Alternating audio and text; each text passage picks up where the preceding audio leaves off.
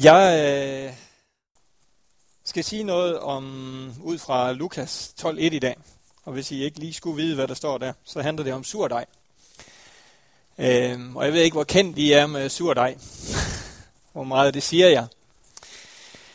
Og øh, ellers så går jeg hjem med en, en, hvad hedder sådan, en ny viden, når jeg går herfra, i hvert fald om surdej. Det her med, med surdej fra Lukas, det er faktisk nævnt to steder i Lukas. Det er nævnt i Lukas 12.1, hvor Jesus han bruger det om, at vi skal passe på farisæernes surdej. At vi ikke bliver øh, inficeret af den, hvis man kan bruge det ord. Og så er det senere i kapitel 13 brugt som den positive surdej.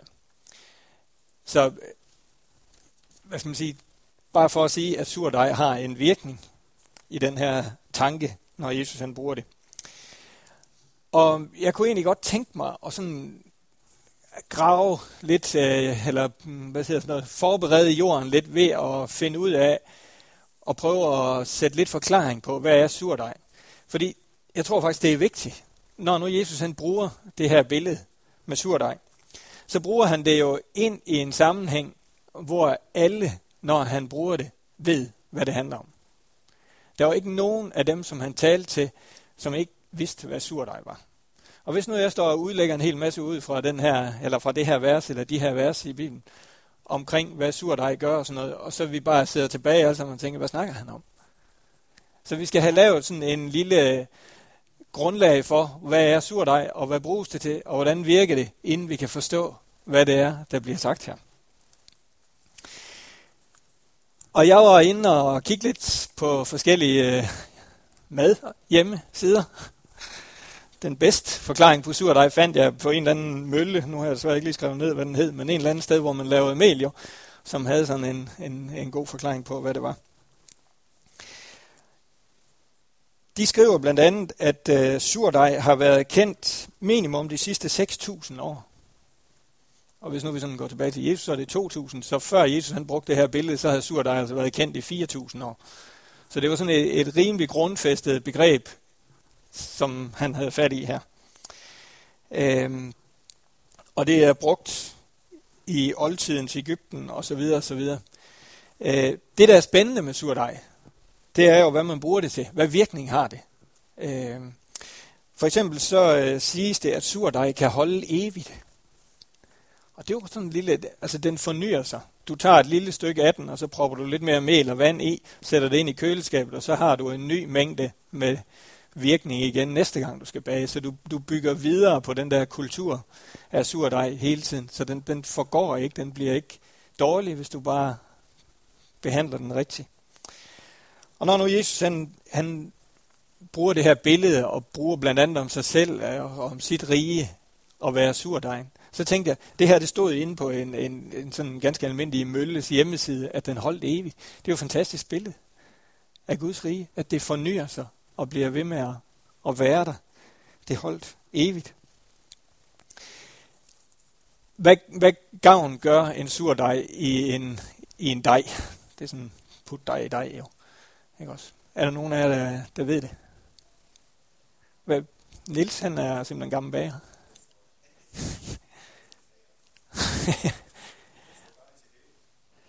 ja. Det er simpelthen sådan den grundlæggende idé med at putte surdej i, det er, at man får den dej, man nu har gang i, til at hæve. Øh, det er sådan en gærkultur jo. Den, øh, den får dejen til at blive til, til noget, den ikke ville være, hvis nu du bagte et brød uden surdej, uden hævemiddel i, så bliver det rimelig flad. Rimelig flad. Øh, den gør faktisk også noget mere, surdejen. Den giver smag, ja. Lige præcis. Et, det stod også på Møllerens hjemmeside her, at et brød, der er bagt med surdej frem for anden form for hævemiddel, vil smage helt anderledes. Altså du kan godt lave den samme dej, og så putte almindelig gær eller et eller andet hævemiddel i, men smagen ændrer sig, når du putter surdej i til hævemiddel frem for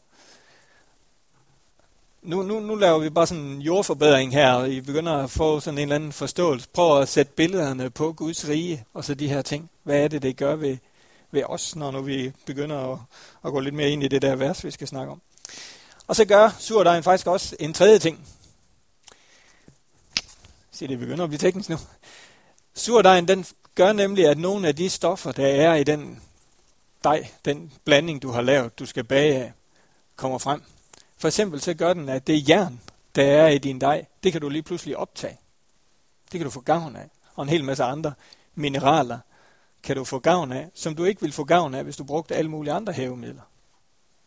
Det frigør simpelthen de der mineraler i brødet, og så du kan få gavn af dem. Ellers så får du ikke gavn af dem. De er der jo stadigvæk i det der. Det er jo ikke fordi, du tilsætter dem. Det er simpelthen den virkning, som surdejen har på de stoffer, der allerede er der, så vi får gavn af den. Det var et lille surdejskursus. Og jeg tror faktisk, at øh, hvis du kan holde fast i nogle af de her tanker, når nu vi snakker videre igennem prædiken, så kan du lave helt din egen lille prædiken ved siden af, og danne dine egne små billeder af, hvad vil det så sige, når, Gud, nej, eller når Jesus han sammenligner Guds rige med en surdej. Vi skal prøve at læse øh, fra Lukas 13 og vers 21. Det er ligesom det vers, vi skal holde fast i. Lukas 13 og vers 21.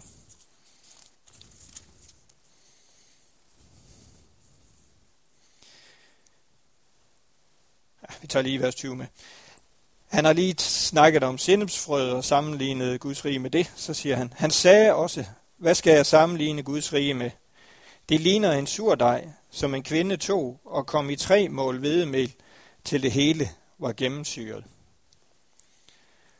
Han sammenlignede Guds rige med surdejen. Og hvis vi øh, læste kapitel 12 og vers 1, det kan vi også lige gøre, det er bare et enkelt vers, der siger Jesus, da folk havde samlet sig i tusindtal, så de var ved at træde hinanden ned, begyndte Jesus at tale først til sine disciple. Tag jer i agt for farisæernes surdej, deres hykleri. Jesus han anerkender her, at surdej har en virkning.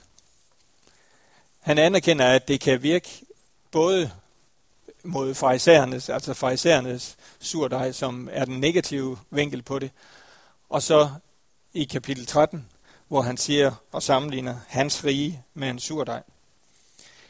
Altså det virker uanset. Det er, det er ligesom princippet, han har fat i her. Han siger ikke noget om, at surdejen er god. Han siger bare noget om, at surdej som billede, det virker ind enten positivt eller negativt. Og den her prædiken, der vil jeg også gerne, at du prøver at holde fast i, at Guds rige bliver sammenlignet med en surdej, som vi kan tage til os, som bliver blandet i vores liv og gøre det ved vores liv, som den skal. Og så den anden spor, at du er surdej.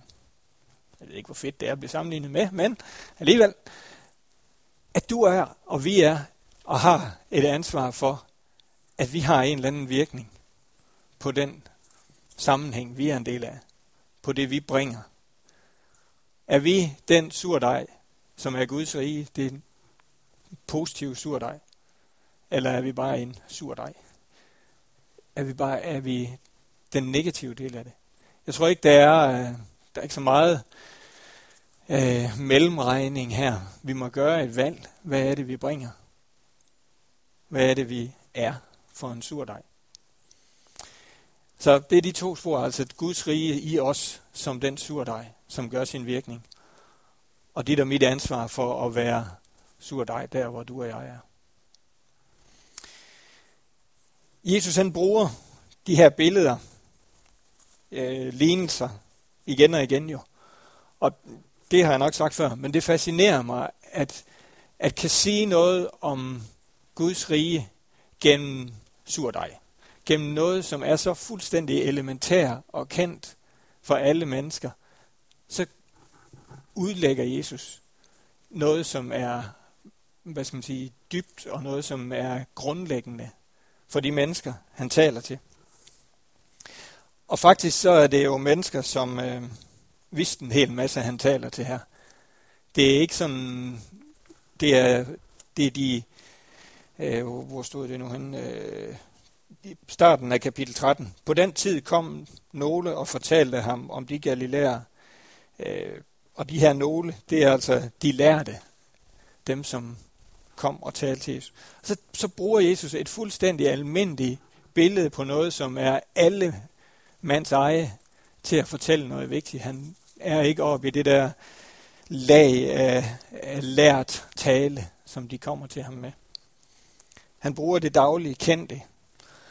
Og det tror jeg, han gør, fordi at næste gang, som de her mennesker, de møder et brød, så popper den her tanke jo op igen. Så popper tanken om surdejen op igen. Han gør Guds rige tilgængeligt, forståeligt. Han øh, bruger de her almindelige ting som øh, hvad skal man sige, løftesten til, at mennesker kan huske det, han sagde. At mennesker tager det til sig. At mennesker, hver gang de, han havde lige brugt, før vi var inde på surdejen, han havde lige brugt billedet af, af sennepsfrøen, sammenlignet Guds rige med et sennepsfrø, det der lille bitte frø.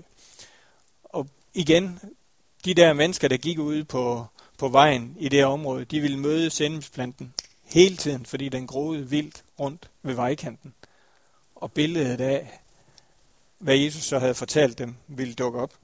Så jeg synes, det er fascinerende, at Jesus han bruger den måde at, at kommunikere på. Og det tænker jeg, at vi kan lære en hel masse af, at hvis vi kan gøre Guds rige tilgængeligt for hinanden og for de mennesker, der er omkring os, på en måde, så vi møder det i det, vi ser, i den verden, vi er i, med en forståelse for, hvad det så handler om.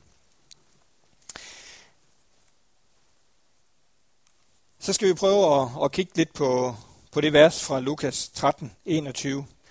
Hvad skal jeg sammenligne Guds rige med? Det ligner en surdej, som en kvinde tog og kom i tre mål hvedemel, til det hele var gennemsyret.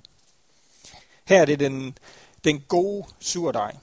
Den gode surdej, som forvandler det brød til det, det skal være.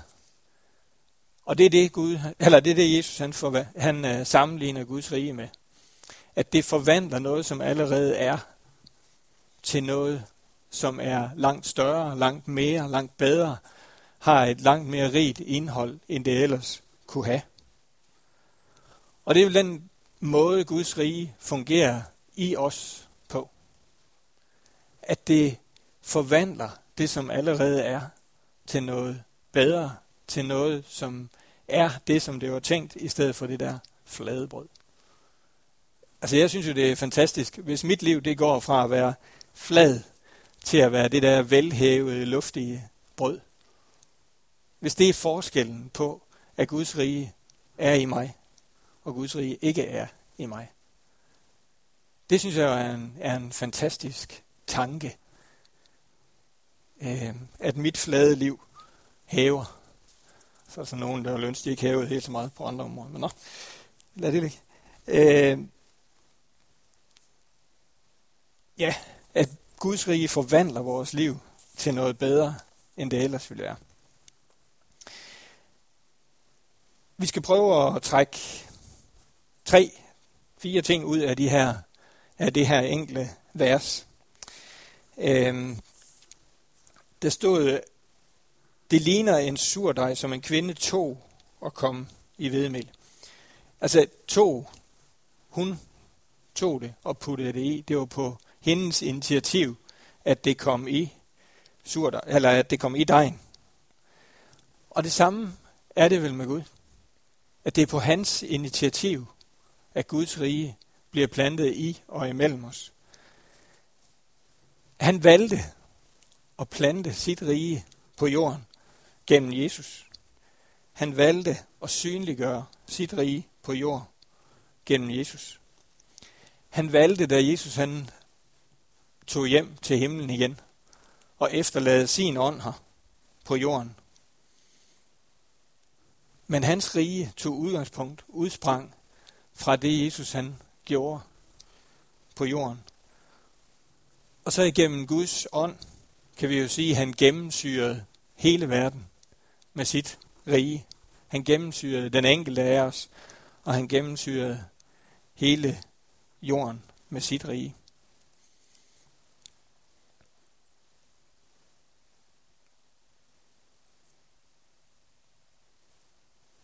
Det, der,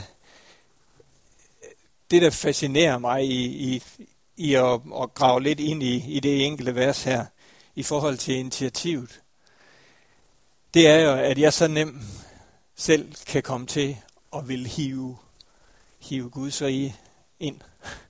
Jeg kan så nemt komme til at ligesom bare mere af det, ikke? Også mere af, af Guds rige, i stedet for at lade det, der allerede er plantet, virke. I stedet for at stole på, at, at Gud han har taget det initiativ, der skal til, også ind i mit liv, og hvile i det. Øh, lad ham få lov til at have initiativet. Lad ham få lov til at, at gøre det flade brød til det hæve. Jeg kan så nemt selv komme til at, at kæmpe med og vil gøre det, jeg er, til mere. Initiativet er hans, og det kan faktisk være svært at hvile i.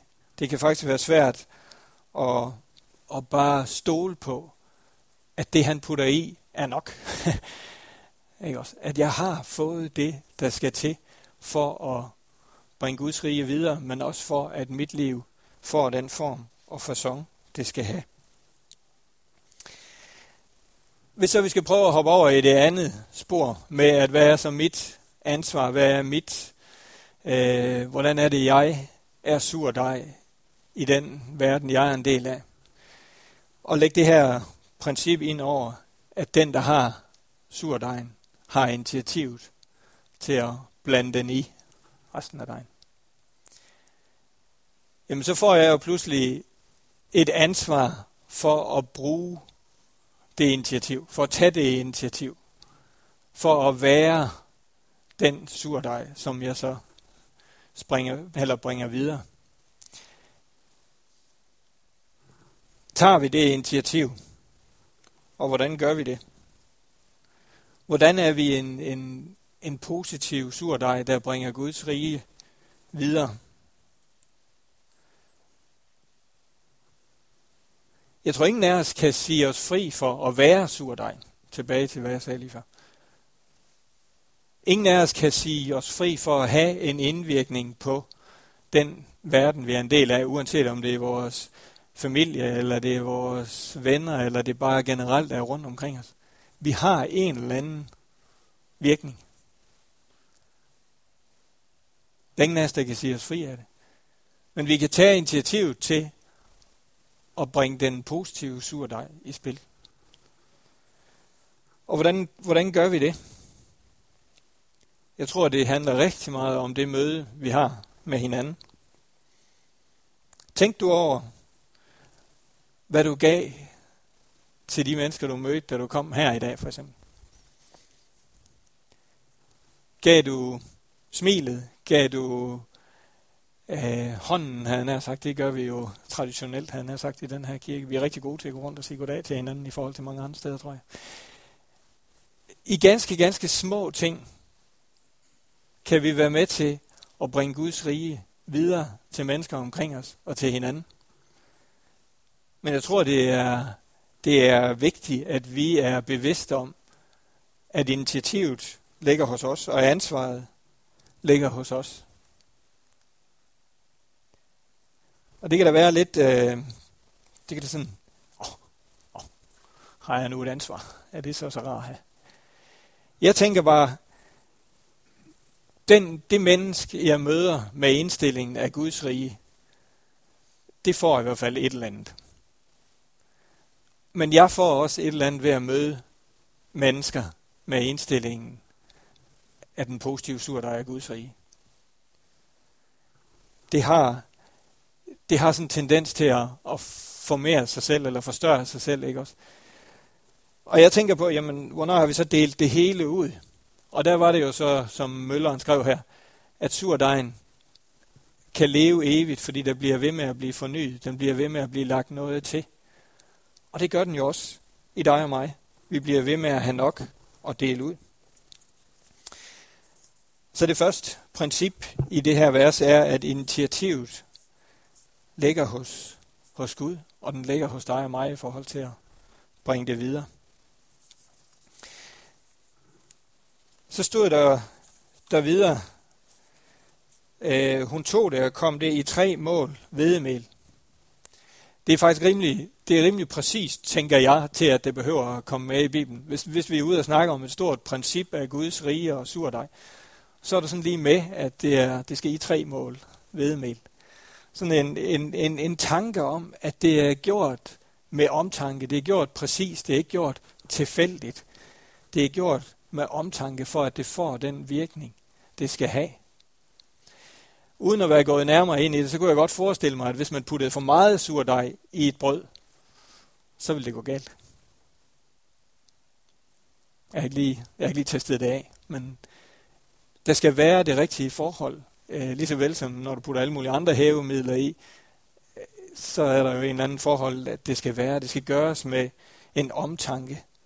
Og det tror jeg også, det her det understreger, at Guds rige er givet med den mængde, der passer.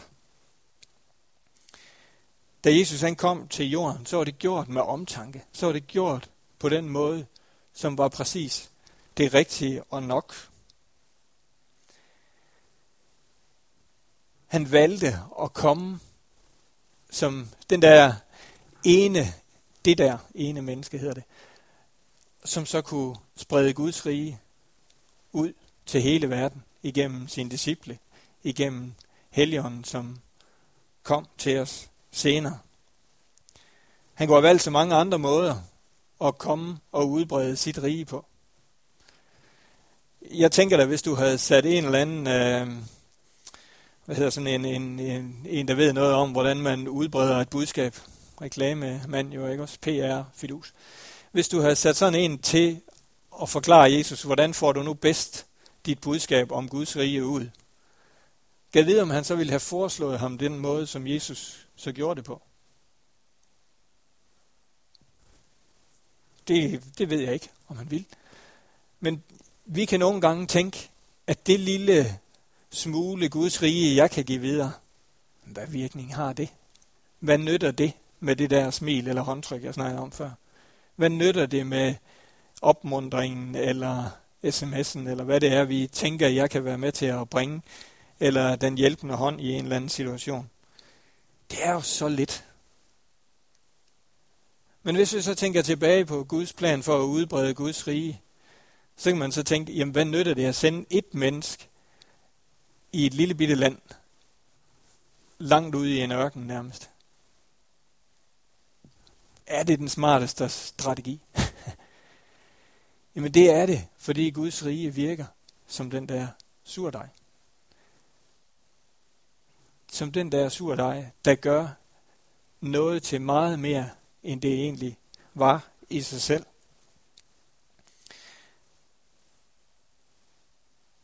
Så det er gjort med, med omtanke og i det rigtige mål. Det er Guds rige også ind i vores liv. Og det er vigtigt, tror jeg, at vi tænker at det er sådan, vi bringer Guds rige videre. At vi ikke bare vælter ind over de mennesker, vi møder, men rækker det stykke af Guds rige, som der er behov for, for at det så kan vokse og blive til mere. Så det gjorde mig omtanke. Den tredje ting, det er, at surdejen virker jo kun, hvis der er noget at virke i. Altså, du kan ikke, du kan ikke bage brød af surdej. Du kan, ikke, du kan ikke bare have surdej. Det er nødt til at have noget at virke sammen med. Det kom i de tre mål hvedemel, fordi det skulle have noget at virke sammen med, og så kommer der sikkert noget vand og nogle andre ting i også. Men det skal have noget at virke sammen med. Det kan ikke gøre det selv. Det skal fungere sammen med noget andet. Og Guds rige fungerer jo også først, når det møder det, det er tænkt til at møde. Guds rige fungerer jo først, når det møder noget, hvor det kan virke i. Hvis ikke, hvis ikke Guds rige i os møder noget, det kan samarbejde med, eller det kan virke i, så bliver det ingenting til. Så bliver det ingenting til. Og hvis ikke vi møder den verden, der er omkring os, og mennesker omkring os, uanset hvor de er, jamen så kan vi jo have nok så meget Guds rige. Så kan vi jo have nok så meget af den gode surdej, som ligger klar til at blive brugt. Det er først, når den møder noget, at den begynder at få den virkning, den er tænkt til. Præcis som surdejen i verset her. Det fungerer ikke bare i sig selv. Og sådan er det også med os. Vi har også brug for noget at virke sammen med.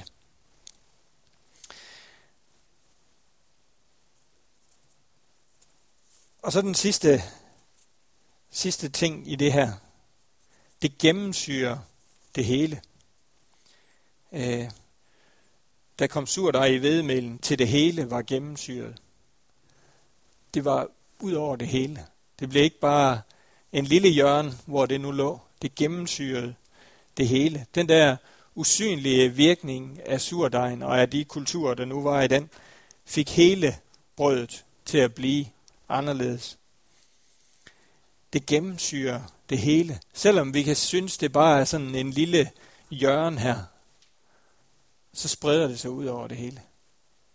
Og det samme med den positive vinkel på Guds rige fra vores side til andre. Selvom vi kan synes, at vi har jo bare vores lille hjørne her. Hvem ved så, hvad det spreder sig til, og hvor meget det får lov at gennemsyre. Og så hopper vi lige tilbage til Lukas 12.1, hvor Jesus han advarer imod farisæernes surdej. Fordi det har jo præcis den samme effekt. At en lille klat af den dårlige surdej har jo den samme virkning. Og det tænker jeg er en lille smule tankevækkende og en lille smule øh, udfordrende.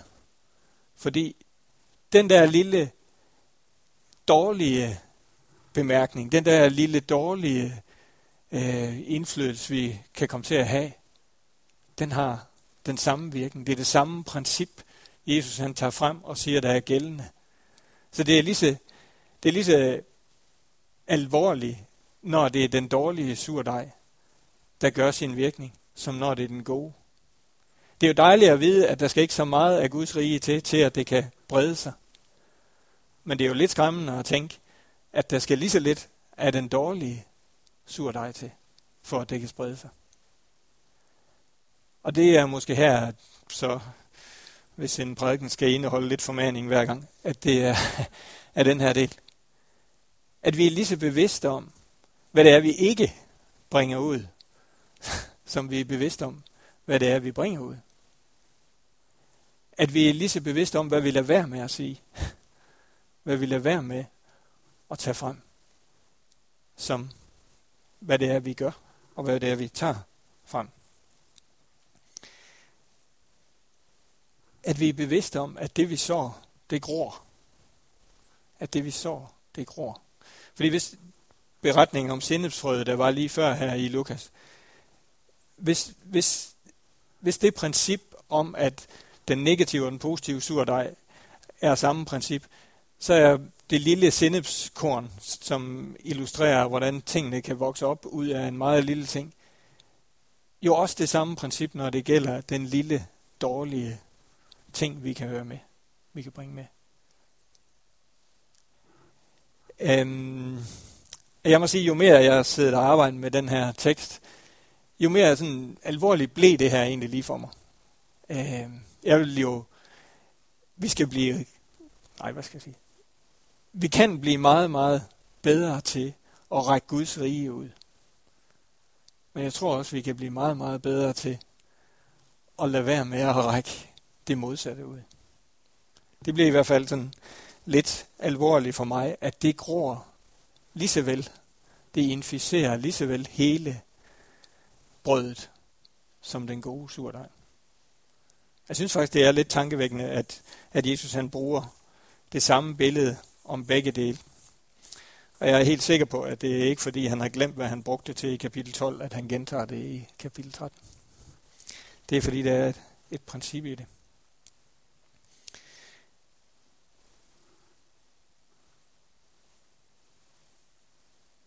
Det her med, at at den lille det lille, vi har, at det kan blive til langt mere, fordi det får lov til at, at brede sig i brødet, fordi det får lov til at være den der positive surdej. Øhm, I i Lukas kapitel 7 og vers 28, der står et enkelt vers om at være den mindste i Guds rige. Vi kan prøve at bladre tilbage. Lukas vers 7 og, nej, kapitel 7 og vers 28. Og det er faktisk her, vi skal slutte. Jeg siger jer, blandt kvindefødte er ingen større end Johannes, men den mindste i Guds rige er større end han. Altså Johannes. Johannes, han var, var forbilledet på det store, forbilledet på, øh, hvad skal man sige, Guds øh, nærvær, eller hvad, det var ham, der døbte Jesus. Det var, han havde virkelig et navn, ikke også? Og så siger Jesus her, blandt kvindefødte er ingen større end Johannes. Han var virkelig den største. Men den mindste i Guds rige er større end ham. Hvordan hænger det sammen? At det, som ser ud af ingenting, kan gøre endnu mere, end Johannes han gjorde. Det er jo egentlig det, der står her. Hvordan hænger det sammen? Hvordan kan den mindste i Guds rige være den største? Tænk om vi kunne finde den, der er mindst i Guds rige. Tænk om vi kunne finde den, der er mindst i Guds rige. Øhm, jeg læser en citat her. Et eller andet sted i verden, måske her, finder man den dummeste, svageste, mest elendige kristne. Nogen må jo være den svageste. Jesus siger, det betyder ikke noget. Under den nye pagt ved Helligåndens kraft er du stadig større end selv den største profet under den gamle pagt. Bare for at sige, at selvom du føler dig som, hvis du føler, ja, du har fundet den mindste, dummeste, svageste, så i blandet sammen med Guds surdej, så kan vi blive den største. Så kan vi blive den, der er større end Johannes, efter det, der står her. Fordi vi har adgang til Guds ånd. Fordi vi har fået lov til at få adgang til den surdej, til Guds rige, til det, som kan gøre selv det fladeste brød til det rigtige. Selv den enkleste blanding af mel og vand kan få lov at hæve op med smag og næring, og hvad vi var inde på, surdejen gjorde for. Så selvom vi føler os ingenting, selvom vi føler, at vores evner er små i forhold til at bringe Guds rige ud, så handler det om vores villighed til at tage imod den surdej, som Guds rige er. Det handler om, at vi lader surdejen få lov til at virke i os. At, vi får lov til, at surdejen får lov til at udbrede Guds rige i os. Jeg håber, at jeg kan være med til at, at bare give dig en opmundring på den ene side, som hedder, at Guds rige er i dig. At du øh, er sat til at blive til mere, end du kunne være i dig selv. Så håber jeg, at jeg kan give dig en udfordring til at bringe Guds rige videre med tillid til, at den lille, den lille del surdej Guds rige, jeg giver videre til et andet menneske. Det er ikke mit ansvar, at det vokser til det, jeg kunne forestille mig, det skulle blive til. Men det er Guds ansvar. Det er hans initiativ. Det er hans tanke om, at det er sådan, Guds rige fungerer. Jeg er bare sat til at formidle det, brede det ud, være den dummeste, svageste, eller hvad det var, der stod her i det citat. Og ud af det blive den største, fordi Guds rige får lov til at virke i mig. Skal vi bede sammen. Far i himlen, jeg beder om nu, at du vil røre ved os, røre ved vores tanke og vores hjerte og lade ordene og forståelsen af det her princip synke ned i os. Blive til den der opmundring om, at lidt kan gøre en enorm virkning. Og blive til den der opmundring om, at vi er langt mere, end vi kunne være i os selv i kraft af dig. Far, så beder jeg også om, at vi må tage til os, at, at dit riges princip om surdej også gælder den anden vej. Beskyt os for at selv blive inficeret, som du skriver af farisæernes surdej. Men beskyt os også for at give den videre. Lad os få øje på, når vi er ved at plante det dårlige. Far, tak fordi, at du også i den her formiddag vil røre ved os og lade os mærke dit nærvær her.